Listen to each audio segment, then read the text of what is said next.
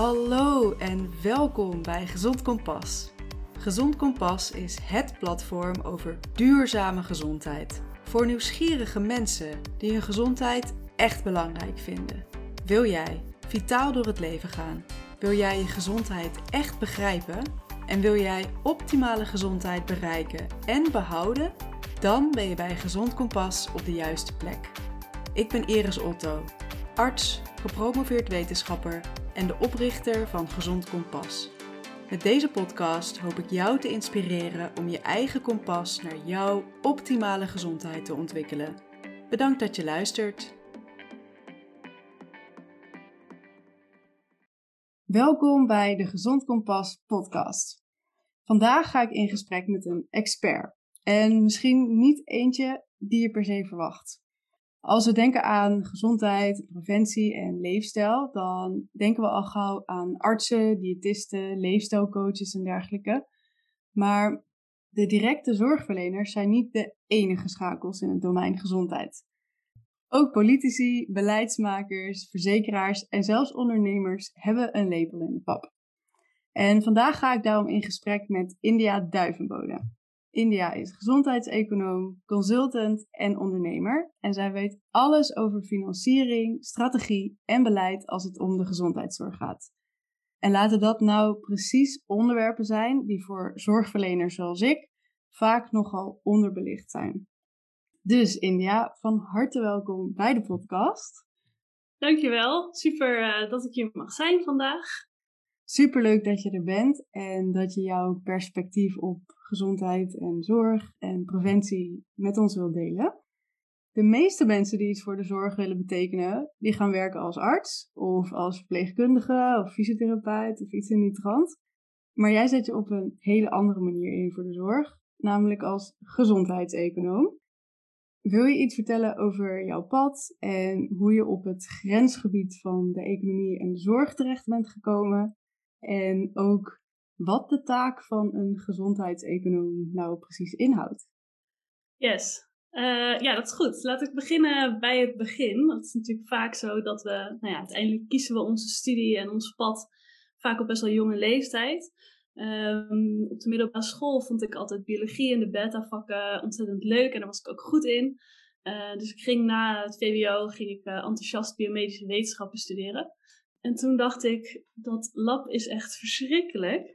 Uh, dus ik kwam er vrij snel achter dat dat helemaal niet mijn ding was. Dus ik vond eigenlijk de theorie heel interessant. Hoe werkt het menselijk lichaam? Hoe zit dat allemaal in elkaar? Maar ja, de, de uitvoering, dus in het lab en dingetjes samenvoegen en dan wachten wat eruit komt. Nou, sowieso ben ik niet een heel geduldig persoon, dus dat was al niet heel erg uh, een goede match daar.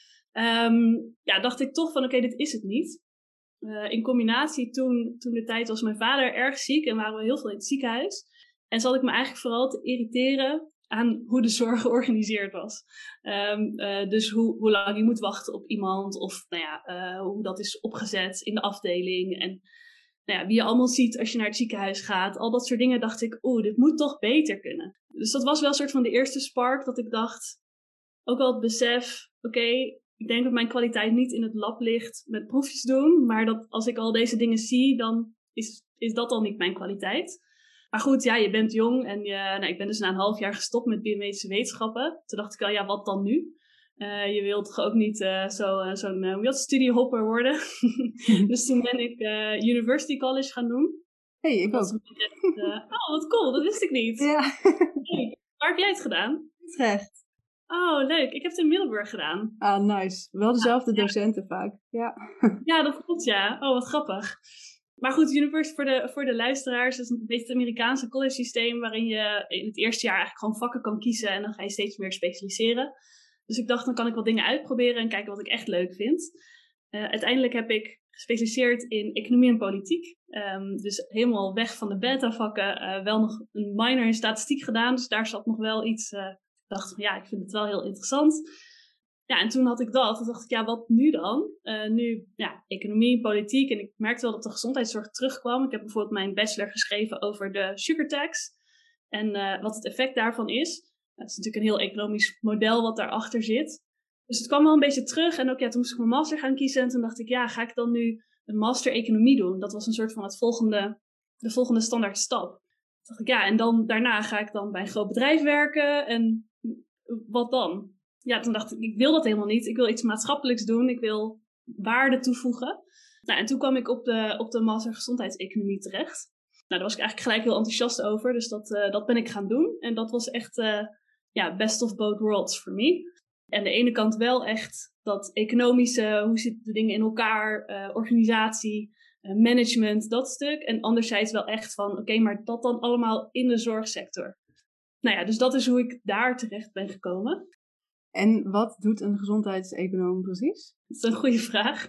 Um, ik leg het altijd uit als dat het zorgstelsel mijn ding is. En dat klinkt een beetje vaag, nog steeds. Maar gezondheidseconomie is altijd een hele mond vol. En iedereen denkt altijd, ja, oké, wat doe je dan precies?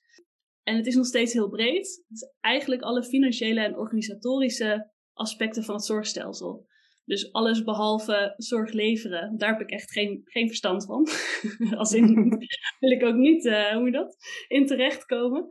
Um, maar eigenlijk alles eromheen. En het zorgen dat de zorgprofessionals, de, de zorgverleners, het kunnen doen waar ze goed in zijn. Uh, daar moet natuurlijk heel veel voor geregeld worden. Want uiteindelijk in de zorg heb je ook allemaal bedrijven en organisaties. En die moeten allemaal goed lopen, zodat die zorgverleners hun werk kunnen doen.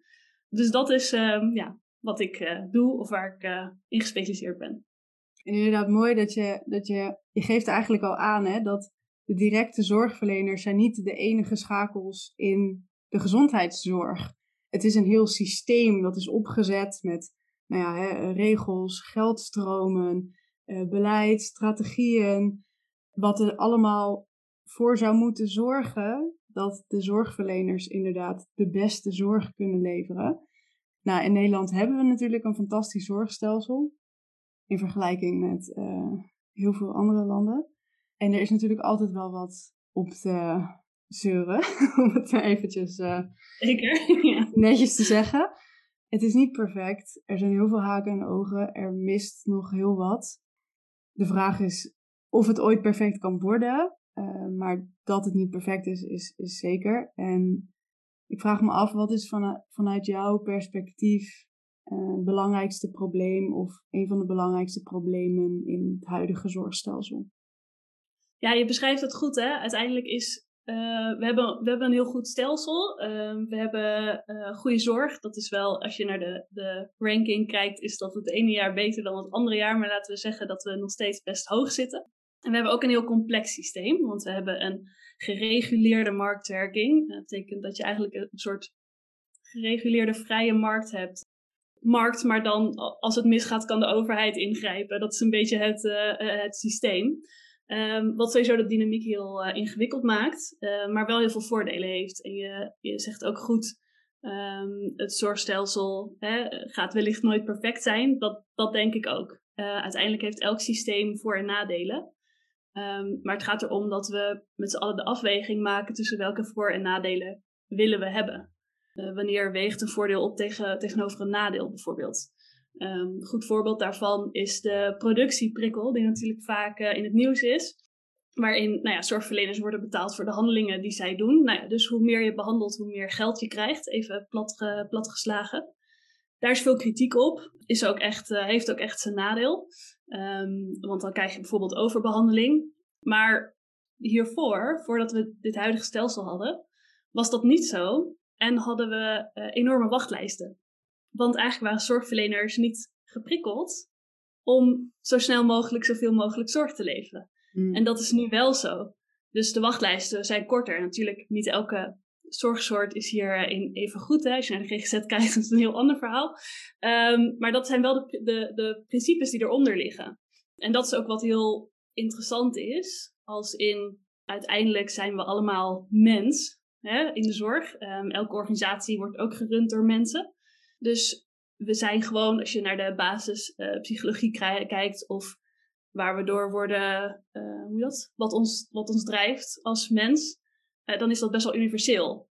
dus financiële prikkels bijvoorbeeld, ja, spelen nou eenmaal mee. En natuurlijk hebben zorgverleners het beste voor met de patiënt, twijfel ik echt niet aan. Mhm. Maar we zijn wel ergens ook mens, hè? Dus, dus we, ja, we gaan wel mee op dat soort dingen. En je vraag was, terug naar je vraag, um, wat is het grootste probleem op dit moment? ik denk dat het grootste probleem is het personeelstekort. dat is niks nieuws, denk ik. Maar het is wel echt zo dat uh, het gewoon echt niet te doen is. En dat klinkt nu een beetje vaag, maar de voorspelling is dat in 2040 één op de vier uh, mensen in Nederland in de zorg moet werken. Zo. Um, dat, is, dat is gewoon onrealistisch. Als in, kan gewoon letterlijk niet. Omdat die uh, andere drie ziek zijn eigenlijk. Ja, precies. En ook, ja, we, we willen ook mensen hebben voor andere dingen in Nederland. Uh, we willen uh, politieagenten hebben, we willen uh, politici hebben, we willen schoonmakers hebben en, ja. en al dat soort dingen. En ja, één op de vier betekent gewoon dat al die andere dingen niet meer goed geregeld kunnen worden. Nee, um, en dat impliceert dus ook hè, dat, we dus, dat we meer zorgpersoneel nodig gaat hebben, gaan hebben. Impliceert dat de bevolking steeds meer zorg nodig heeft. Ja, omdat de bevolking zieker wordt en langer ziek. Ja, dat is inderdaad de. Dus je hebt eigenlijk. Je zou het als een soort uh, uh, weegschaal kunnen zien, of de twee componenten. Je hebt enerzijds uh, de zorgvraag en anderzijds zeg maar het personeel, wat dat moet opvangen. Ja. Um, dus je kan aan twee knoppen draaien. Je kan enerzijds zeggen, we moeten meer personeel, meer personeel, meer personeel. Um, maar je kan ook zeggen, hey, hoe krijgen we die zorgvraag omlaag? Dus hoe zorgen we ervoor dat mensen minder ziek worden en eigenlijk er minder personeel nodig is? Ik denk dat dat heel erg iets is waar we heen moeten. Dus het grootste probleem is het personeelstekort. Als in, als we zo doorgaan zoals we dat nu doen, dan houdt het op een gegeven moment gewoon op. Dan moet je naar de dokter of je komt in het ziekenhuis terecht en er is gewoon niemand die jou kan helpen. Ja. Uh, je ziet dat nu in het klein natuurlijk gebeuren bij de intensive care met, uh, met COVID. Maar stel je voor dat dat gewoon op grote schaal met alles gebeurt. Ja, dan hebben we echt wel een, uh, een heel groot probleem. Um, en dan is de kans ook groot dat het ja, echt wel instort. En dan, en dan heb je, weet je, dan ga je al snel naar een soort Amerikaans zorgsysteem waar de mensen die ervoor kunnen betalen de zorg krijgen. Nou, en dat is iets waar we in Nederland helemaal niet heen willen.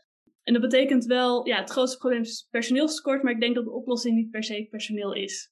Dat denk ik ook niet. Nee, um, uh, dus deels omdat het gewoon niet haalbaar is. Um, we vinden andere dingen in Nederland ook belangrijk. Um, en ook gewoon, ja, er zijn niet zoveel mensen om het te doen. De handjes zijn er gewoon echt letterlijk niet. Um, en dat betekent dat je twee dingen kan doen. Enerzijds dus die zorgvraag omlaag brengen en je kan de zorg anders organiseren. Waardoor er minder mensen nodig zijn om dezelfde zorg uit te voeren. Ja, en dat zijn de, denk ik de twee. Dus ondanks dat het grote probleem een soort van personeelstekort is, zijn denk ik de twee dingen die we moeten oplossen. Uh, zorgvraag verlagen. Uh, en dan heb je het bijvoorbeeld ook over preventie. Um, en ook het anders organiseren van zorg. Dus hoe kan het efficiënter? Hoe kunnen we het. Ja, dan heb je technologieën bijvoorbeeld die daarvoor gebruikt kan worden, maar ook gewoon makkelijke bedrijfsvoering, uh, efficiëntie slagen ja. die je kan, kan slaan. Ja, nou, ik wil het zeker nog uitgebreid met je gaan hebben over het preventiestuk. Dus de, de zorgvraag omlaag brengen, eerder ingrijpen in het ziekteproces, zodat mensen uiteindelijk minder zorg nodig hebben. Of misschien wel helemaal geen zorg. Maar even over dat stukje um, efficiëntie in de zorg, of zeg maar de zorg organiseren. Nou, er is natuurlijk ontzettend veel technologie in, in ontwikkeling. En nou ja, we zien dat al in ons dagelijks leven, hoe we met zo'n klein apparaatje in onze hand lopen de hele dag. En wat voor waanzinnige technologie er is ontwikkeld de afgelopen jaren. Dat sluipt ook langzamerhand wel het ziekenhuis in. Ik denk dat er nog wel meer geïnnoveerd kan worden, dat er meer gepioneerd nog wel kan worden met nieuwe technologieën. Wat natuurlijk ook wel lastig is, omdat het nou eenmaal om mensenlevens gaat, dus je bent voorzichtiger. Wat denk jij dat de meest veelbelovende innovaties zijn die ervoor gaan zorgen dat de zorg nou ja, beter georganiseerd kan worden, efficiënter wordt, minder handjes nodig zijn? Uh, ja, ik denk dat dat um, niet per se een technologie is. En dat klinkt misschien een beetje gek. Ik denk dat dat meer een soort van de, de tools zijn.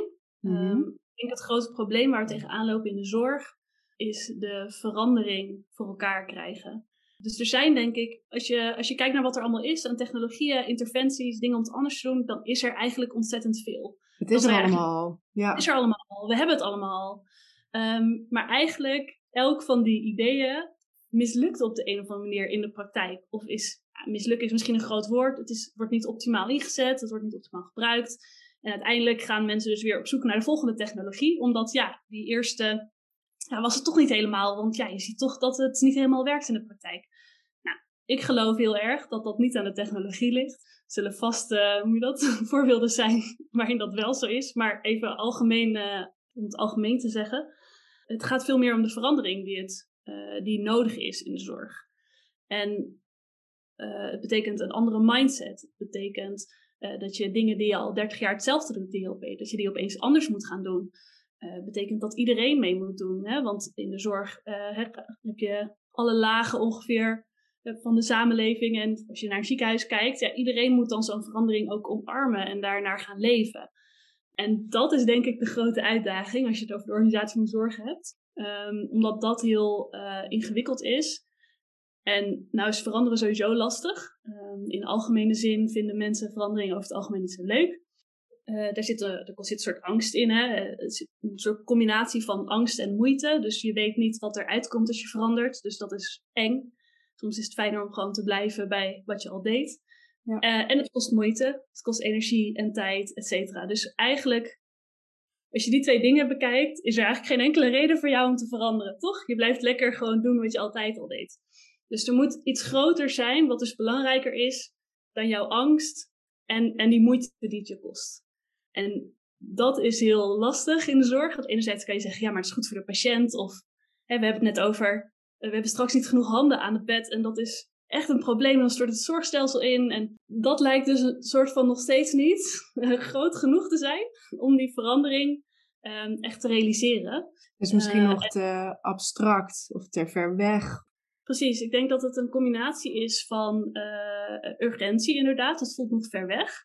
Um, terwijl het er eigenlijk al is, hè? dus dat is, dat is natuurlijk een beetje scheef, maar het is toch makkelijk om, het, uh, om nog weg te kijken, denk ik.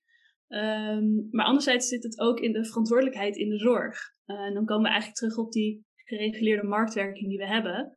Uh, de verantwoordelijkheid in de zorg is heel erg verdeeld. er is niet één partij die het uiteindelijk moet regelen. Als je naar Engeland kijkt, naar het NHS, ja, dan is het uiteindelijk de overheid die, waarnaar gekeken wordt. Um, bij ons is dat niet zo, want de overheid heeft het eigenlijk uitbesteed aan de zorgverzekeraars.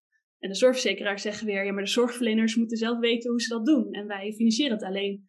Dus uiteindelijk kan iedereen kan altijd naar iemand anders wijzen. Ja. Um, en de artsen en, zeggen, we hebben het te druk, want we hebben te veel bureaucratie. Ja, ja dus eigenlijk is er altijd iets, ja, je kan altijd naar een ander wijzen in de zorg. En daardoor uh, is die urgentie er niet. Ondanks dat die urgentie er op papier wel is. Als je gewoon naar Nederland kijkt, is die urgentie er. Maar de urgentie is er vaak niet voor de individu. Precies, ik denk inderdaad dat men de urgentie wel voelt. Van oké, okay, er moet wel wat veranderen. Maar uiteindelijk, wie moet het gaan doen? Daarbij wordt het doorgeschoven. Ja. Ik heb uh, net het grote obesitas-debat uh, bijgewoond. En daar merkte ik ook heel erg, daar waren verschillende spelers, dus de politiek, uh, de zorg, uh, beleidsmakers, uh, de zorgverzekeraar, de voedingsindustrie. Die gingen met elkaar in gesprek en in het algemeen waren ze het erover eens. Hè? Obesitas is een groot probleem en we moeten inzetten op preventie. Daar is iedereen het over eens. Maar uiteindelijk, als het gaat om waar ligt de verantwoordelijkheid, wie moet er iets gaan doen, dan wordt het doorgeschoven naar de volgende speler. En ik denk dat dat een heel mooi voorbeeld is van hoe het in het grote geheel, als het om de zorg gaat, ook gebeurt steeds. Ja, precies. Ik denk dat dat, om terug te komen op, jou, uh, op jouw vraag, hè, wat zorgt er nou voor, wat is nou de meest veelbelovende innovatie of technologie? Uh, ik denk dat het daar dus niet om gaat. Ik denk dat het erom gaat dat we op de een of andere manier ons wel verantwoordelijk voelen op een individueel niveau. En hoe we daar terechtkomen, ja, dat is denk ik een groot, uh, groot vraagstuk. Waar ik ja. zelf uh, veel pro mee probeer te doen. Maar ja, het is ook een zoektocht. Um, om, om toch ja, voor mensen, misschien zelfs wel op een bepaalde manier mensen te kunnen empoweren. Zeg maar, om het gevoel te hebben van, hé, hey, als ik nu dit ga doen, dan heeft dat echt invloed. Want dat is denk ik ook een gevoel wat heerst. Enerzijds zijn we en niet verantwoordelijk, eindverantwoordelijk, of hoe je het ook wil zeggen. We kunnen het in elk geval doorschrijven naar iemand anders. En als we het wel proberen, hebben we vaak toch het gevoel dat we zo klein zijn dat we geen invloed hebben. Ja, wat maakt het nou ehm, uit dat ik dit nu ga doen? Precies, en dat is natuurlijk ontzettend demotiverend. Ja. Um, maar het zorgt er ook voor dat alles gewoon op slot blijft zitten. En dat iedereen gewoon ja, toch blijft doen wat hij al deed. Ja. Wat volgens mij ook bijdraagt aan het gevoel van, nou, ik blijf maar doen wat ik doe, is omdat het zo moeilijk is om dus inderdaad die verandering teweeg te brengen. En ook al wil je dat misschien zelf wel, hè, heb je als zorgverlener of misschien als uh, andere partij wel echt dat gevoel van urgentie en ik wil dit doen en ik heb een goed idee. Maar dan nog blijft het heel lastig om het te implementeren. En dat zal enerzijds komen omdat er zoveel schakels zijn die er dus iets over te zeggen hebben. maar ja, ik merk zelf ook van als ik als leefstijlarts nu een, een consult wil aanbieden, ja, dan kan ik misschien wel geen verzekerde zorg leveren. Dan moet het uit mensen hun eigen zak komen en dan ligt weer de bal bij iemand anders. Dan kan ik het wel aanbieden, maar misschien hebben mensen er simpelweg geen geld voor. Dus dat, dat merk ik dat dat een van de dingen is die ehm, zeker op het gebied van preventie heel erg speelt. Van oké, hoe krijgen we de financiering voor elkaar? Want ik bedoel, hier moet ook uh, nou, ik wil eigenlijk geen boterham op de plank zeggen, want uh, laat ik zeggen, een salade op de plank komen. We moeten allemaal kunnen leven, hè? We moeten allemaal kunnen leven. Ja. Je kan niet alles pro bono doen. Dus ik denk dat dat ook wel een van de belangrijke dingen is waarom het nog niet lukt. Omdat er een systeem is wat er nog niet op ingericht is om dingen te veranderen. Om nieuwe, met nieuwe dingen te komen die heel erg gaan helpen, maar waarvan we misschien ook nog niet weten wat precies het resultaat gaat zijn.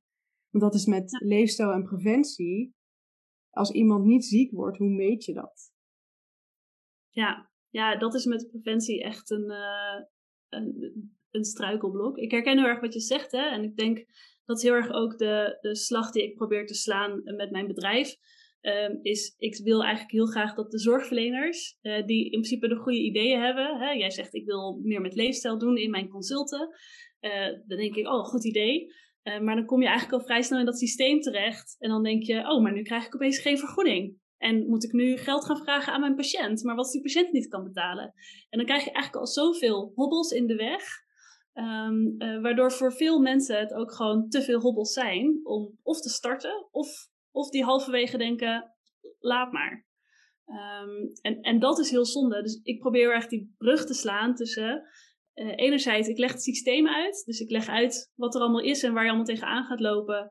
Uh, en ook ga, ga ook kijken met je van, hoe kunnen we het dan oplossen? Je hebt ook gelijk in wat je zei net over dat het systeem er niet op ingericht is. Dus uh, heel veel dingen die met te, maken hebben met preventie, die zijn, die zijn er nog niet. Zorgverzekeraars zijn ook nog aan het zoeken. Oh, wat betekent dat nu voor het systeem? Uh, oh, hoe gaan wij hier nu mee om? Wij hebben ook een bepaalde verantwoordelijkheid, namelijk dat de zorgkosten niet te hoog worden. Maar hoe zit het dan met preventie? Is dat dan de zogenaamde business case? Is die er dan of niet? Nou ja, en die hebben natuurlijk ook een rol in het zorgstelsel, dus die voeren die rol weer uit. Um, uh, maar die, ja, die zijn er vaak ook nog niet helemaal klaar voor. Het is een soort iets wat nog in de kinderschoenen staat, wat heel veel potentieel heeft en iedereen wil heel graag. Maar we zijn er eigenlijk nog niet helemaal uit over hoe we dat precies voor elkaar krijgen met z'n allen. Um, en dat is super complex. En dat is iets, denk ik, waar we heel snel doorheen moeten met z'n allen. Ja, dat, dat denk ik ook. Wat mij betreft, liever gisteren dan morgen. Want het, het is een heel erg urgent probleem. En uh, preventie moet op de kaart. En uh, het staat gelukkig inmiddels op de kaart. Ook op hè, overheidsniveau met het Nationale Preventieakkoord. En steeds meer partijen zetten echt in op preventie. En dat kan ik alleen maar toejuichen. Maar het blijkt nog steeds wel dat inderdaad in de praktijk is het heel moeilijk nog te implementeren. Ja. Niet alleen voor de mensen zelf, want ja, je leefstijl veranderen is niet niks. Maar ook uh, voor de zorgverlener om daar daadwerkelijk echt op in te zetten. Dus jij zegt, hè, het is, het is een ontzettend complex systeem en om dat te veranderen, ja, dat, dat, dat gaat niet zomaar, maar het liefst uh, gaan we daar zo snel mogelijk doorheen. Wat zijn volgens jou de eerste stappen, de belangrijkste dingen die nu moeten gebeuren, zodat we dat snel voor elkaar gaan krijgen? Zodat we daadwerkelijk met z'n allen kunnen inzetten op preventie? Uh, ja, goede vraag. Um, er is dus in de zorg niet één ding. Ehm, door de complexiteit van het systeem kan je niet zeggen van, oh, als dit er is, dan is het allemaal opgelost. Ehm, ik denk wat belangrijk is, is dat er uh, financieel iets tegenover staat. Hè? Wat jij zegt, uiteindelijk, uiteindelijk gaan mensen gewoon wel rennen voor dat ze salaris krijgen natuurlijk. Uh, in welke vorm dan ook. Op het moment dat het er niet is, is het altijd een opoffering die je doet. Dus je moet, als jij wil dat er preventie komt, als je daarachter staat, dan moet je eigenlijk een nou, stimulans creëren. Waardoor mensen, waardoor niet alleen de, de, de, idealisten het gaan doen, maar dat eigenlijk alle mensen denken: hé, hey, hier, gaan we mee aan de slag. Um, want dat is de manier waarop je impact maakt, zeker als je het hebt over massa, wat je natuurlijk nodig hebt in de zorg. Ja. Heel leuk als één iemand uh, leefstijladviezen geeft, maar dan ja, is, is Nederland niet mee geholpen. Dus er moet in elk geval financieel iets komen. Um, en dan komen we ook gelijk bij het struikelblok hiervan. Uh, wat voor preventie, wat jij net zelf ook al zei, hè? het is niet meetbaar dat iemand niet ziek wordt. Dus wat levert het op als jij aan de voorkant betaalt voor preventie? Wat levert dat aan de achterkant op? Ja, uh, een gezonder iemand, maar misschien was diegene wel nooit ziek geworden. Dus, dus ja, wat, wat zegt dat dan? ja, het is ehm, gewoon niet direct meetbaar. Je kan het denk ik wel over, hè, over meerdere decennia kan je wel observationeel kijken naar grote groepen. Ja. Van, hè, wat, jij hebt natuurlijk statistiek gedaan, je kan heel veel statistiek op loslaten. Van, oké, nou, we denken dat dit een factor is geweest in, maar een causale relatie vinden, dat, dat is heel erg moeilijk. Ja, ja zeker. En daarmee zeg je ook gelijk al, hè, het is vaak de lange termijn met preventie. Dat is sowieso ingewikkeld voor mensen en organisaties. Want lange termijn is vaak niet de eerste prioriteit. Nee. Ehm, uh, dus, dus ja, het effect is pas op lange termijn te zien. En je ziet vaak dat de kosten en baten op een andere plek terechtkomen. Als je bijvoorbeeld, zeker als je naar preventie kijkt, dus bijvoorbeeld uh, heel veel dingen die in het sociaal domein gebeuren bij de gemeente is een vorm van preventie. Hè? Het feit dat jij bijvoorbeeld uh, hulp krijgt wanneer je schulden hebt, is een vorm van preventie. Want als jij te veel geldzorgen hebt, of als jij altijd alleen maar het hele ongezonde voedsel kan betalen, hè, dan, nou ja, je snapt de, de resultaten daarvan. Maar uiteindelijk, de kosten die dan bespaard worden, komen dan bijvoorbeeld weer bij de zorgverzekeraar terecht. Uh, dus, de, dus de gemeente zegt dan, even platgeslagen, ja, ik ga hier niet aan de voorkant voor betalen, want aan de achterkant zie ik hier niks van terug. Ja, hoe gaat het cirkeltje weer rond?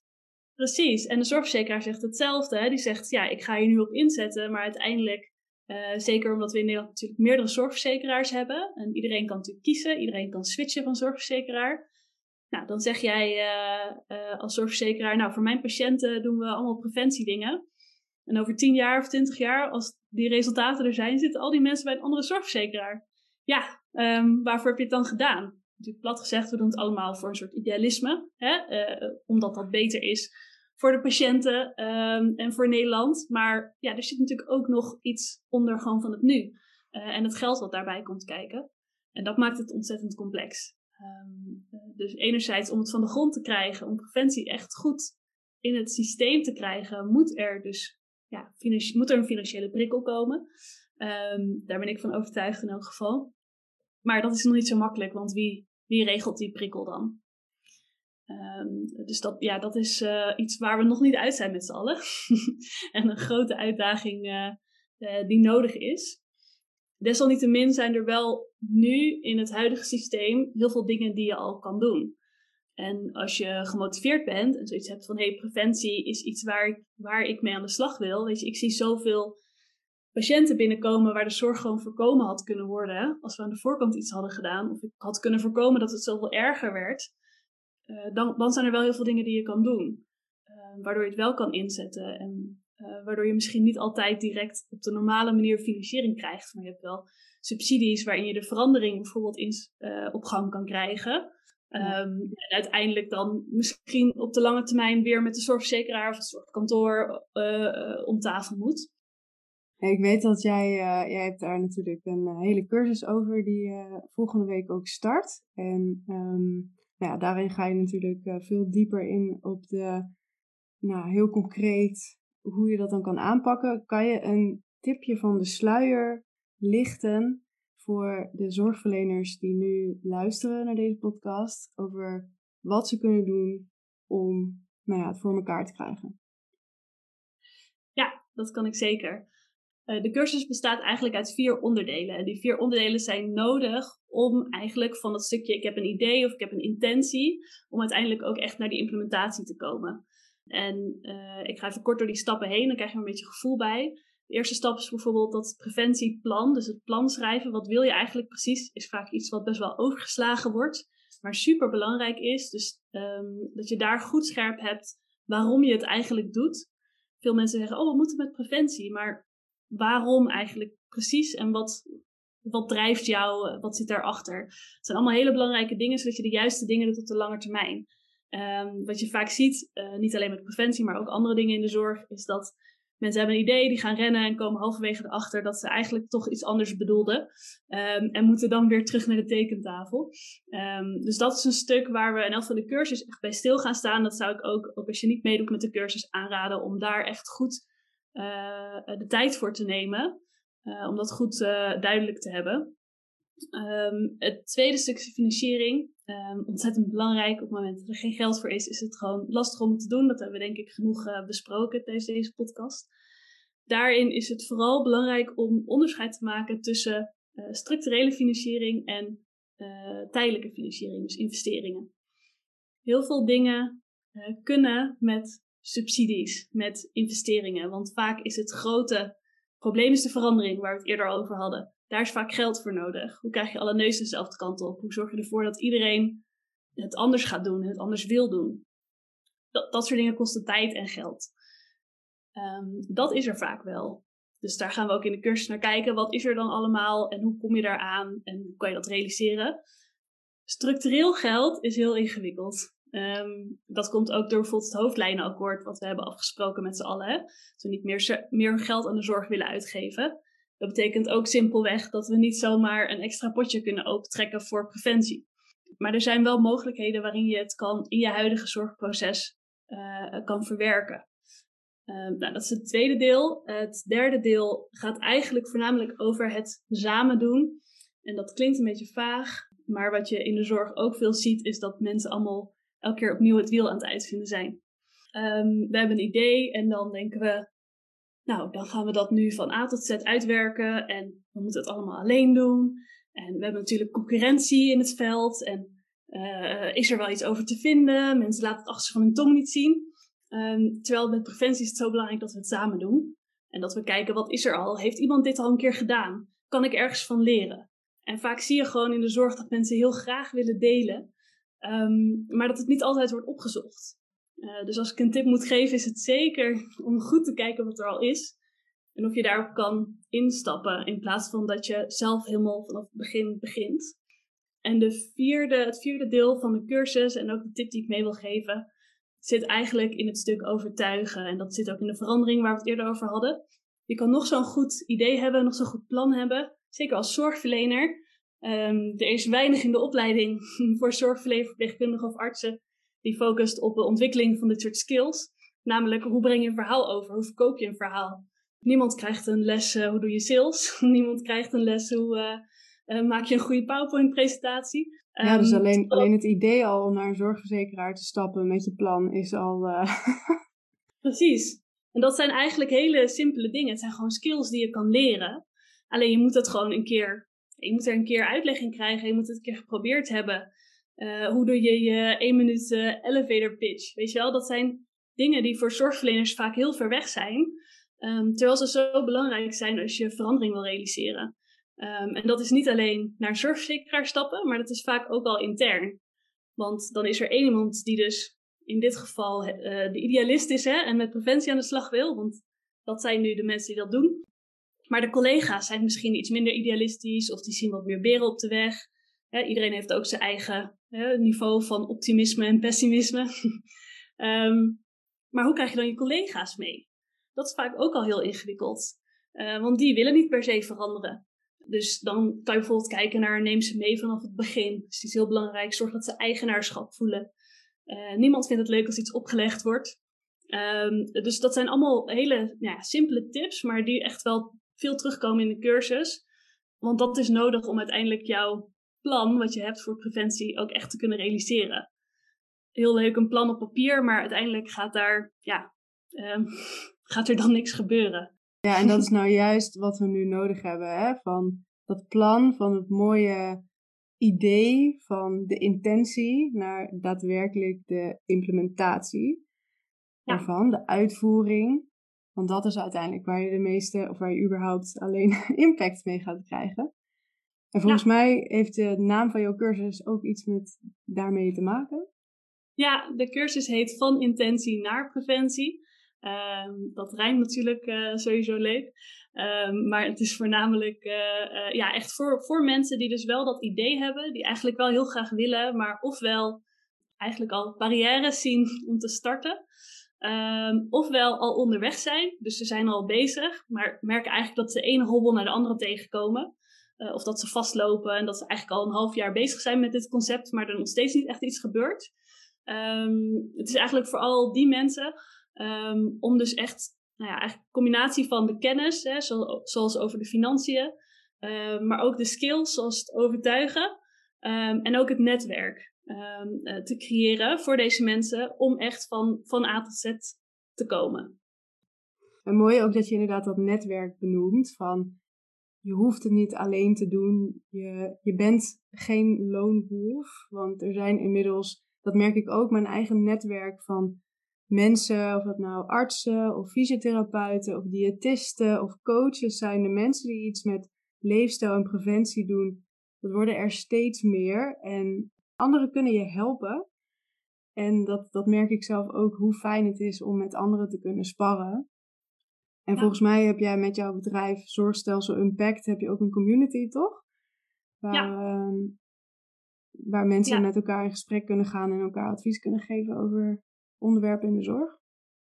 Ja, dat klopt. Dat was echt een van de eerste. Hè. Vaak, bestaat, uh, hoe vaak ontstaat een bedrijf vanuit een uh, irritatie. vanuit mm. iets waarvan je ziet uh, dat kan beter. Hè? Um, en dat was voor mij een van de dingen dat eigenlijk dat er niet echt een plek is um, waarbij verschillende partijen met elkaar praten. Dus het is vaak wel bijvoorbeeld een beroepsvereniging, hè, waar de artsen bijvoorbeeld of de verpleegkundigen of wat dan ook met elkaar praten. Er is iets voor de zorgverzekeraars, er is iets voor de politiek. Maar eigenlijk is er niet iets waarbij al deze mensen op één plek zitten. Um, waar ze met elkaar kunnen praten en gewoon kunnen zeggen: hey, ik wil eigenlijk graag dit. Hoe zouden jullie dat doen? Of ik loop eigenlijk hier tegenaan en hoe zit dat dan? Um, dus dat was een van de eerste dingen die ik wilde creëren. Uh, en dat is inderdaad de community van Zorgstelsel Impact. Daar zitten nu zo'n uh, 40, 45 uh, mensen in die in de zorg werken. Uh, dus dat zijn zorgverleners, maar ook uh, mensen die aan de beleidskant zitten, uh, zorgverzekeraar, van alles wat. Um, die dus met elkaar over dit soort dingen kunnen sparren. Um, ik denk dat dat ontzettend belangrijk is in de zorg. Ja, daar, ben, daar sluit ik me volledig bij aan. En ik zelf kan eerlijk gezegd niet wachten totdat ik met al deze mensen in gesprek kan gaan. Want ik doe mee met jouw cursus van intentie ja. naar preventie. En um, ja, ik ben zelf enorm enthousiast over wat je aanbiedt. En ik denk dat het ontzettend waardevol is voor elke zorgverlener die iets met preventie wil doen. Voor mij, toen ik het las, dacht ik, ja, dit is 100% wat ik nodig heb. ja, ik, ik kijk er zelf enorm naar uit. En ik zou anderen ook willen aanmoedigen om in ieder geval even naar de website te gaan en te lezen waar de cursus over gaat en hoe de community in elkaar steekt. Ja, we hadden nog een leuk idee. Ja, dat klopt. Um, ja, de cursus start al aankomende maandag op 4 oktober. Dus uh, het is natuurlijk al kort dag. Um, maar uh, we willen graag een kaartje weggeven onder de luisteraars van deze podcast. Um, en wat je daarvoor moet doen, moet ik het goed zeggen, moet je even reageren op de post op social media. En onder alle mensen die reageren, verloot Iris een kaartje en het is ook zo dat iedereen die reageert ook automatisch een kortingscode krijgt. Vind je het leuk? Vind je het interessant om mee te doen? Um, reageer dan vooral even. En ik hoop natuurlijk om uh, ja, jullie allemaal te zien uh, op maandag bij de cursus. Ja, super tof. Dat we een kaartje gaan weggeven voor de cursus. Dus inderdaad, ehm, via de social media kanalen van Gezond Kompas. Dus op Instagram is dat Gezond Kompas. En uh, ook op uh, LinkedIn uh, zal ik dat onder mijn eigen naam, Iris Otto, verkondigen. Ehm, misschien nog goed om te zeggen, aangezien het al op 4 oktober start, is dat als je echt vanaf het begin erbij wil zijn, het belangrijk is om je dus voor maandag of uiterlijk maandag aan te melden. Deuren blijven open tot 11 oktober, dan kan je de eerste week nog terugkijken. Um, maar het uh, leukste is wel om er vanaf het begin af aan natuurlijk bij te zijn. Maar mocht je deze podcast nou iets later horen, uh, weet dat je je nog steeds aan kan melden tot 11 oktober. Top. Nou, India, super bedankt voor het interessante gesprek. Uh, ik heb er in ieder geval alweer een heleboel dingen van geleerd. En ik kijk er ook heel erg naar uit om nog veel meer van je te leren in de cursus van intentie naar preventie. En als laatste, waar kunnen mensen jou vinden en jouw bedrijf Zorgstelsel Impact? Waar kunnen ze meer over vinden? Yes, dat is een goede. Um, sowieso natuurlijk op de website. Is zorgstelselunpacked.nl aan elkaar. Um, ik zit ook op Instagram en op LinkedIn. Uh, dit is ook gewoon weer Zorgstelsel Unpacked. Um, en daar kan je nou ja, alles terugvinden en alles volgen. Uh, je kan je ook inschrijven voor de nieuwsbrief. Dat kan gewoon via de website. Dan krijg je via de mail de updates. Dus leuk als jullie uh, het gaan volgen. En dat kan ik ook echt van harte aanbevelen, want uh, nou, ik heb een paar van je blogs gelezen en volg je natuurlijk al een hele tijd op, op Instagram. En ik denk dat je heel erg veel, veel waarde biedt. Dus heel erg bedankt daarvoor en ook voor dit mooie gesprek. Dankjewel. Ja, jij ook heel erg bedankt. Ik vond het echt ontzettend leuk om hier te zijn en er zo over te praten. Dus dank daarvoor. Nou, en tot maandag. Tot maandag, precies. Ook voor de luisteraars, tot maandag. Tot maandag. Je luisterde naar de podcast van Gezond Kompas. Ik hoop natuurlijk dat je deze aflevering waardevol vond. En ik waardeer het ontzettend als je de podcast met anderen deelt en een beoordeling en een recensie achterlaat. Dit helpt namelijk om de podcast te laten groeien en zo meer mensen te kunnen ondersteunen in duurzame gezondheid. Dus alvast bedankt voor je moeite. Abonneer je op dit podcastkanaal om op de hoogte te blijven van nieuwe afleveringen en volg Gezond Kompas op Instagram. Voor alle artikelen, downloads en andere handvatten voor een duurzame gezondheid, ga naar gezondkompas.com. Nogmaals bedankt voor het luisteren en graag tot de volgende keer.